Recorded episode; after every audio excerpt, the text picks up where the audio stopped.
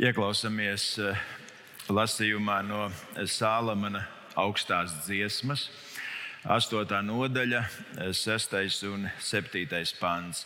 Sālamana augstā dziesma, 8. nodaļa, 6. un 7. pāns.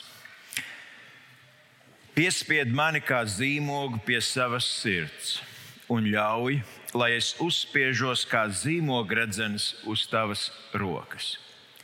Jo mīlestība ir spēcīga kā nāve, un tās karstums ir varens kā elle, tās versme ir ugunīga, un tās liesmas ir kā dieva liesmas.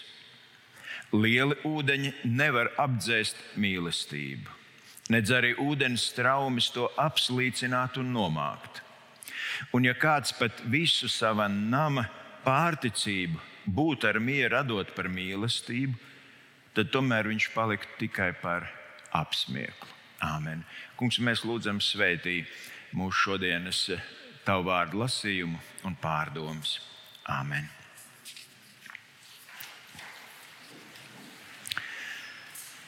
Maija mēnesī mēs katru svētdienu tikām aicināti domāt par laulību, par ģimeni, par attiecībām. Un gan Matīs, gan Edgars eh, sludināja par cieņu, par uzticību, par spēju sarunāties.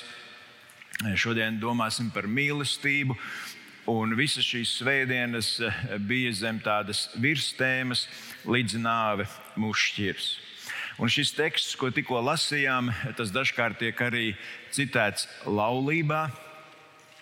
Bet, nu, ja mēs izlasītu visu Sālamana augsto dziesmu, visas šīs astoņas nodaļas, tad pirmajā brīdī mums būtu jautājums, kāpēc vispār šī grāmata ir iekļauta Bībelē, Bībeles kanonā.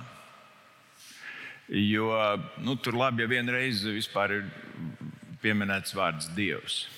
Un viņa ir tik jutekliska, ka tik eh, cilvēcīgi pilna ar cilvēka kaisli un, un mīlestību, ka liekas, nu, svētā Bībelē diez ko viņi neiedarētos. Bet tad, padomājot, mēs redzam, ka Dievs ir gribējis attēlot un parādīt, cik ārkārtīgi skaistas, cēlas, īpašas var būt divu mīlošu cilvēku attiecības un ka divu cilvēku mīlošas attiecības ir kā tāda neliela atblāzma no tā, kā Dievs vēlas veidot attiecības ar cilvēku. Ar katru vienu cilvēku, kur arī Dievs mīl tieši tāpat. Un, un jāsaka, izlasot šos divus pantus un šos salīdzinājumus par mīlestību, vismaz šodien mēs teiktu, nu, mazliet tā neparasti.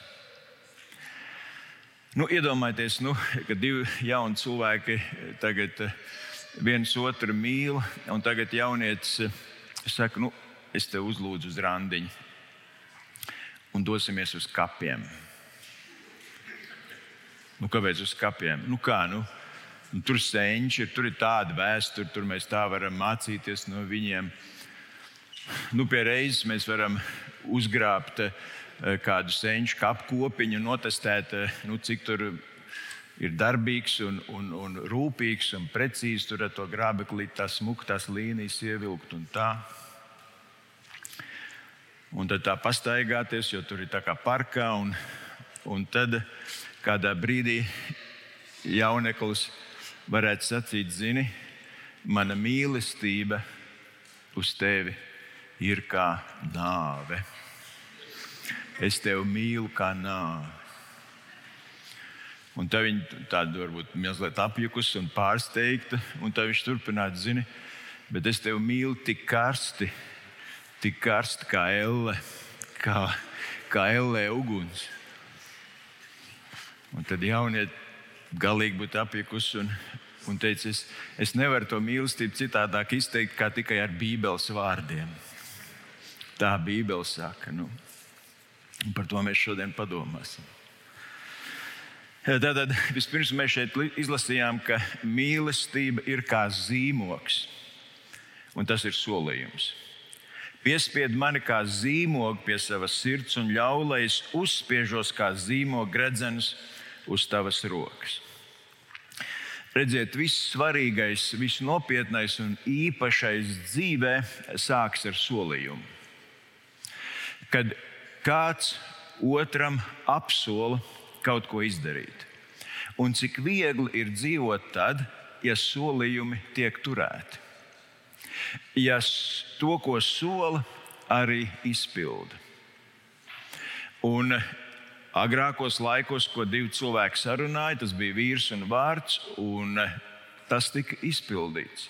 Šodien mēs redzam, ka solīt tikai ar vārdiem nav pietiekoši. Un tāpēc parasti, lai noslēgtu kādu vienošanos vai darījumu, parasti to apstiprina rakstiski, tiek slēgti līgumi, dažkārt tie tiek apdrošināti un arī nu, pavada līdzi dažkārt ilgstoša saraksta un dokumentācija, lai tiešām e, šo solījumu nostiprinātu. Un mēs jau zinām, cik dažkārt nav viegli, ja tev vajag kāds meistars tu sazvani viņu, sarunā, un tad, kad pienāk tā diena, eh, nu, es patreiz nevaru vēl ir citā objektā, tur mūždien ir kaut kas aizķēries, pēc tam tu zvani atkal, vispār neceļ, eh, tad zvani atkal, tur atkal ir kaut kādas problēmas. Nu, un tad pēc kāda ilgāka laika un daudzkārtēji datuma pārlikšanas, tu beidzot vai ne kā tādu glābēju viņu uzlūko, jo beidzot viņš arī ir tev atsaucies. Redziet, eh, solījumi parasti ir saistīti ar laiku. Un mums ir vieglāk solīt, ja tas ir šodien vai rīt, eh, jo tas laiks solījumam ir garāks, jo grūtāk ir eh, solīt. Jo, ja, piemēram, kāds sacītu, nu, atbrauks pēc trīs gadiem, man būs jubileja, atbrauks, mēs teiktu, ko. ka būs tuvāk, es tev neko nevaru teikt, ka būs tuvāk, tad redzēs. Nu, jānodzīvo. Bet tad, bet tad ir kāds brīdis, kāds brīdis, ko sauc par laulībām. Un, un tad ir nu, krāšņi izdekorēta baznīca vai tā laulība vieta. Tad ienāk līgavainis, ienāk līgava, un tad mazmeitiņa jautā, kāpēc tā līgava viss cauri balta? Un vecumā viņš saka, nu, nu tāpēc, ka viņi ir tik laimīgi. Un tāpēc, ka brīdī mazmeitiņa saka, nu tad es saprotu, kāpēc līga vainas ir melnā. Nu jā, bet, bet, bet tas brīdis ir pienācis, un, un, un viss ir tik skaisti un īpaši. Un tad šie divi cilvēki saka solījumu. Viņi saka solījumu. Un viņš saka, šodien Dieva un cilvēku priekšā es apsolu tevi mīlēt, līdz nāve mūs šķirs. Šodien eh, faktiski ļoti reti, kad cilvēks saka šo frāzi, līdz nāve mūs šķirs. Visbiežāk viņi saka, līdz kamēr vien abi mēs dzīvosim. Es apsolu Dievu un liecinieku priekšā tevi mīlēt, līdz kamēr mēs abi dzīvosim. Un kā mēs varam kaut ko solīt pēc gada, pēc diviem, uz mūžu, visu mūžu. Un tad mēs saprotam, ka kaut ko tik lielu un cilvēcīgi neizpildām mēs varam solīt tikai tad, ja patiesi mēs otru cilvēku mīlam. Ja patiesi mēs otru cilvēku mīlam. Un ja mēs apzināmies, ka Dievs nāks mums palīdzīgā un ka Dievs mūsu laulību svētīs, ka Dievs mūsu laulību sargās un ka Dievs būs tas, kas ļaus mums grūtībās un vieglās dienās būt uzticīgiem, kamēr vien mēs dzīvosim. Tas jautājums ir, ko es esmu solījis otram cilvēkam?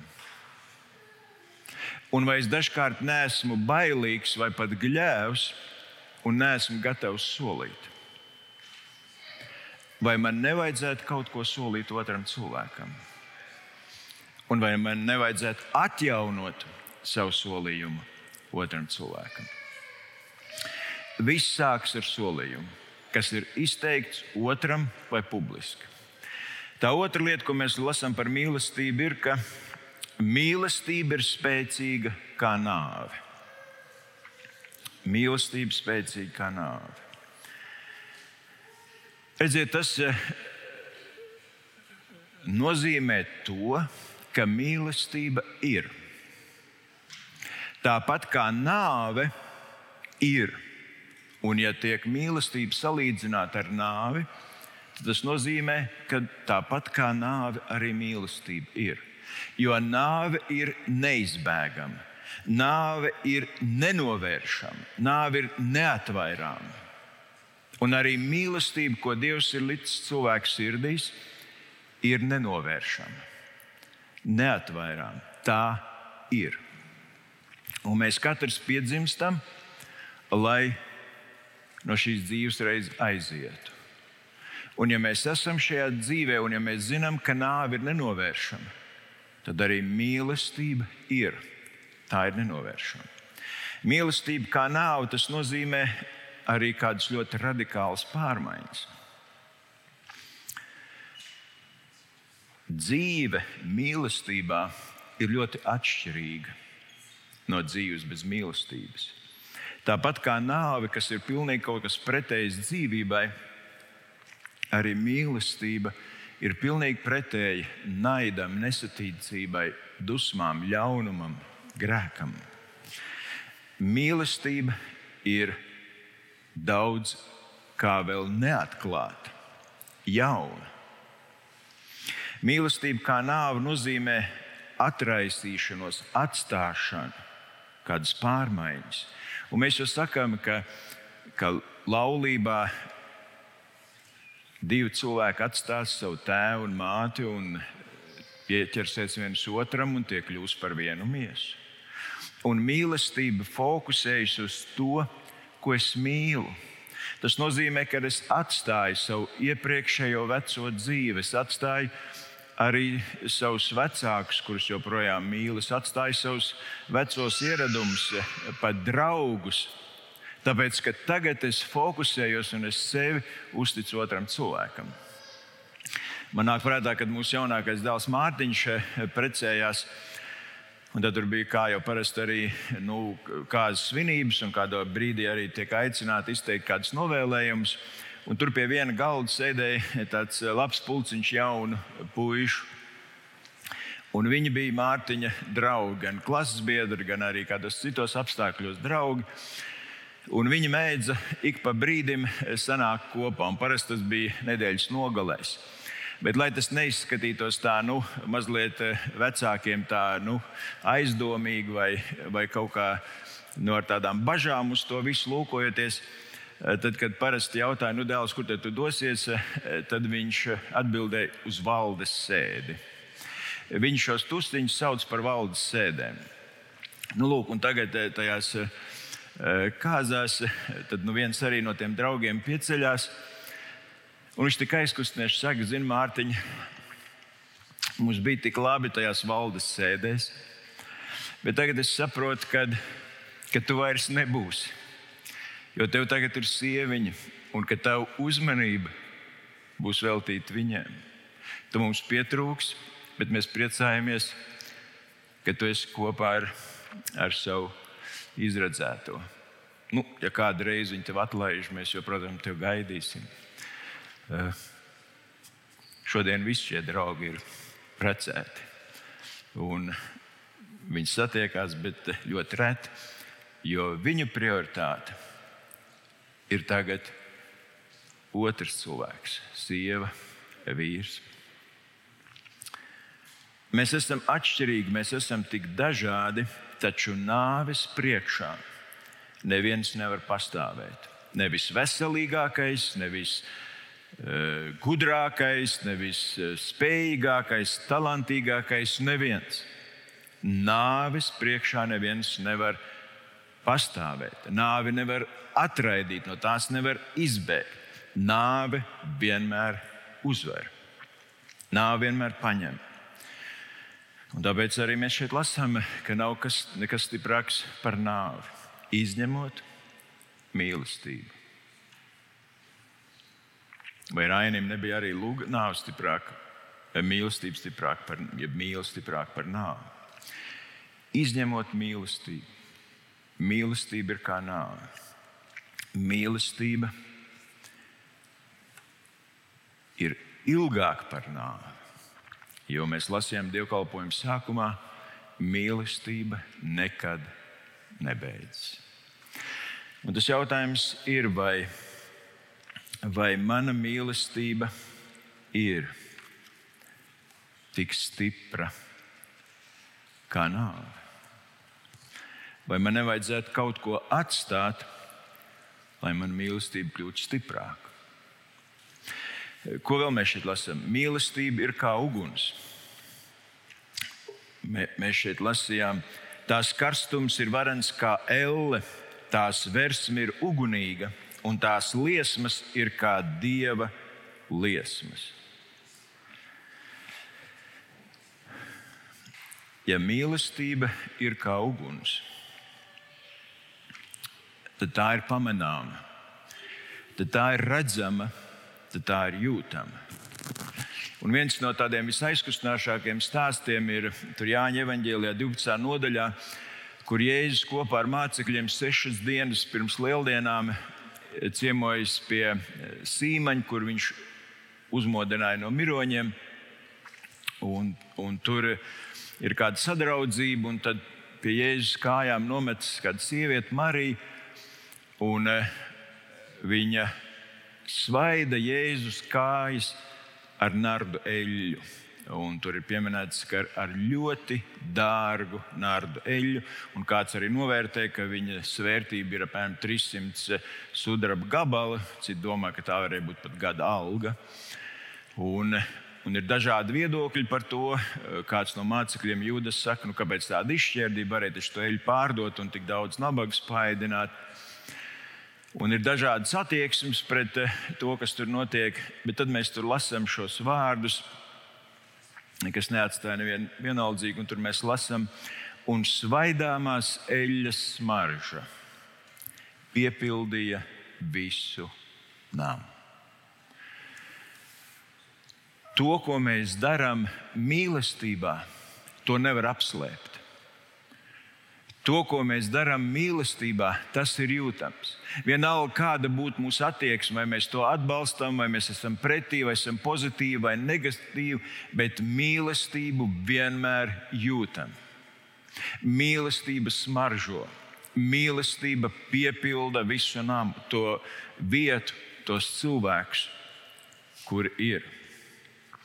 Mīlestība kaut kādā tas nozīmē, ka mīlestība ir pārveidota joša. Mīlestība ir šķīstoša, attīroša. Un, ja cilvēks, kurš saka, ka viņš kādu mīl, nav gatavs mainīties, tad diez vai viņš patiesi mīl. Un, ja mīlestība cilvēku neizmaina, tad droši var sacīt, nekas cits viņu neizmainīs. Vienīgi mīlestība ir spējīga cilvēku izmainīt. Mīlestība kā uguns arī sakausē, savieno, sasaista mūs vienā veselumā. Mēs jau esam tik atšķirīgi un tik dažādi, bet ja mēs mīlam, tad to slikto, nevajadzīgo, šķelšo, šķelošo, to mīlestība atdala nost un paliek tas vērtais, labais, svētais, skaistais, kas mūs vieno un sakausē vienā laulībā, vienā ģimenē, vienā radu saimē, vienā draudzē vai vienā tautā. Mīlestība ir kā uguns. Un tad mēs lasām, mīlestība ir kā ūdens. Lielu ūdeņu nevar apdzēst mīlestību, nedz arī ūdens traumas to apslīcināt un nomākt. Tas nozīmē to, ka mīlestība ir pārbaudīta. pārbaudīta. Ka mums jāiet cauri pārbaudījumiem. Man patīk kāds dzējolis, kur eh, kāds raksts vai eh, izredzētai, aicinot viņu uz randiņu. Viņš tur saka, eh, tevis dēļ es kāpšu kalnā visaugstākajā. Ja? Tevis dēļ es pārpeldēšu upi visplatāko. Tevis dēļ es pārvarēšu tuksnesi viskarstāko. Tevis dēļ es izlauzīšos cauri mežam visbiezākajam. Gaidi, es būšu pie tevis šo sestdienu. Un tad ir postscriptum, ja vien nelīs lietus.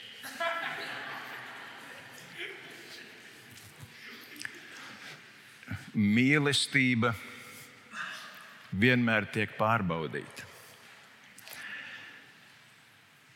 Bet tieši tajās pārbaudēs un grūtībās, mīlestībā izējot cauri, mēs saprotam, ka mīlestība arī ir visvērtākā. Mīlestība tiek pārbaudīta un katru dienu kādi sīkumi, kādi pārpratumi, kāds nogurums, stress, kādas negaidītas situācijas pārbauda mūsu mīlestību. Un katru dienu ir simtiem iemeslu, kas mūsu mīlestības uguni gribētu slāpēt un apdzēst. Nemaz nerunājot, ja mūsu dzīvē notiek kādas lielākas nelaimes, vai kāda slimība, vai mēs zaudējam darbu, vai neīstenojas mūsu sapņu un ieceras, vai, vai kāds ir kritis grēkā un, un ļoti sāpinājis otru. Bet mēs šeit lasām, ka kad nekas nespēja mīlestību apdzēst. Un, ja patiesi mēs otru cilvēku mīlam, tad problēmas, grūtības mīlestība nespēja apslēpt un mēs tiksim tam pāri. Tāpēc mīlestība ir izturīga. Un, un parasti jau arī, kad eh, gredzenu dod un viens otram pirkstā uzvelk, tad saka, ka nu, gredzens ir izgatavots no visdārgākā metāla, un tas liecina par to, ka Dievs jūsu dzīvēs ir devis to visvērtāko - mīlestību. Un jūs dzīvē varat daudz ko sasniegt, un daudz ko iemantot un iegūt, bet jūs varat daudz ko zaudēt, un jūs pat varat visu pazaudēt. Bet, ja jums paliks mīlestība vienam uz otru, tas visvērtākais un visdārgākais vienmēr būs ar jums un jūsu vidū. Un jūs tiksiet pāri visām grūtībām. Un tad, visbeidzot, mīlestība ir kā nams, tā ir visvērtākā. Un ja kāds pat visu savu nama pārticību būtu ar mieru radot par mīlestību, tad tomēr viņš paliktu tikai par apsmieku. Redziet, ja mums ir uzticēts kaut kas tik labs un tik vērts kā mīlestība un spēja mīlēt, un ja mēs to gribam nonicināt, atdot par kaut ko citu, tad tāds cilvēks ir kā nelga. Tāds cilvēks ir par apsmieku. Un kā tas būtu, ja, ja mēs to visdārgāko, kas mums tur ir, kāda porcelāna vāze vai kristāla vāze, vai kāds sens mantots pulkstenis, vai, vai kāda glezna, vai nezinu, dārgs, antīks eh, kaut kāds priekšmets vai automobīls, un mēs viņu vienkārši eh, kaut kā izmestu ārā un, un teikt, ka tas ir nevērtīgs. Mīlestība ir par to, ka mēs kopā varam piedzīvot tik daudz kā laba. Mīlestība nav zudīšanās un pārmetumi par to, kas nav. Jo mēs neesam neviens ideāli. Bet, bet mums kopīgā ir daudz, daudz vairāk nekā trūkuma vai atšķirība. Un mīlestība un laulība jau nav par ideālo vai par ideālās otrās puses meklēšanu un atrašanu, vai otrās puses pārveidošanu vai piedabūšanu pēc eh, mana kaut kāda iedomātā ideāla. Laulība ir par to, ka man, man ir jākļūst par vislabāko otram cilvēkam. Jo mīlestība un laulība ir visdārgākā dāvana, ko es pasniedzu otram. Un tāpēc eh, mīlestība, laulība, attiecības ir dārgums, par ko pateikties, par ko priecāties. Reizē arī kas ir jāsargā. bet reizē arī, kurā mēs ikdienas varam dzīvot un to lietot. Bet jautājums jau ir, bet, bet, bet kur tad šo mīlestību smelties? Jeb, jeb kur viņu sev papildināt, sevišķi tad, kad paiet pāris gadi un tā pirmā eh, kaisle un, un patikšana eh, pabāla. Un tas solījums, ko esam teikuši, joprojām jāturpina. Kur ir mīlestības avots? Kur ir šī spēkstacija, no kuras es atkal varu smelties jaunu mīlestību? Un 1. Jāņa vēstulē, 4. nodaļā, vairāk kārtīgi mēs lasām šo īso frāzi: Dievs ir mīlestība. Dievs ir mīlestība. Un kā mēs varam pie, pie Dieva tikt, kā mēs Dieva mīlestību varam saņemt? Un Jāņa evanģēlijā Jēzus pats saka, neviens nenāk pie tēva kā viens caur mani. Caur Kristu, caur Kristu mēs tiekam pie mīlestības spēkstacijas. Tuvojies, iepazīsti, satiecies ar Kristu, lai saņemtu un paliktu Dieva mīlestībā. Un jo ciešākas ir mūsu attiecības ar Kristu, jo spēcīgāka ir mūsu mīlestība. Jo spēcīgāk mēs spējam šo mīlestību savā dzīvē īstenot. Un tas ir kā Elīte un Jūras sacīja. Dzīvē jau, jau notiek pat negribot kaut kādas lietas, kur mēs eh, kaut ko apvainojamies vai kaut kā pārprotam, un mūsu starpā rodas eh, kāds eh, rūkums vai nesaprašanās. Bet, ja mēs mīlam Dievu, tad svētais gars, Dieva vārds mums atklāja un parāda un palīdz tikt tam pāri. Un mūsu mīlestība no tā, kas mūs attālināja, pēc tā kļūst ciešāka un stiprāka. E, kad mēs e, lasām Bībeli, tad ir pāris vietās, kur, kur iet runa par to, ka kad, kad, kad mēs lasām, kad, cilvēku, kad Dievs cilvēku tikai mazliet ir šķīris no sevis. Ja citiem varam sakot, ka mēs nesam Dieva līdzību sevī. Un mēs varētu daudz domāt par to, kas tad ir šī Dieva līdzība cilvēkā. Kas ir tas mazliet tas atšķīrums no Dieva, kas ir cilvēkā. Un man liekas, ka, ka tas, kas ir katrā cilvēkā no Dieva, ir mīlestība. Jo Dievs mīlestībā mūs ir radījis, un Dievs mīlestībā ir šo pestīšanas ceļu caur Kristu katram cilvēkam arī sagatavojis un dāvājis.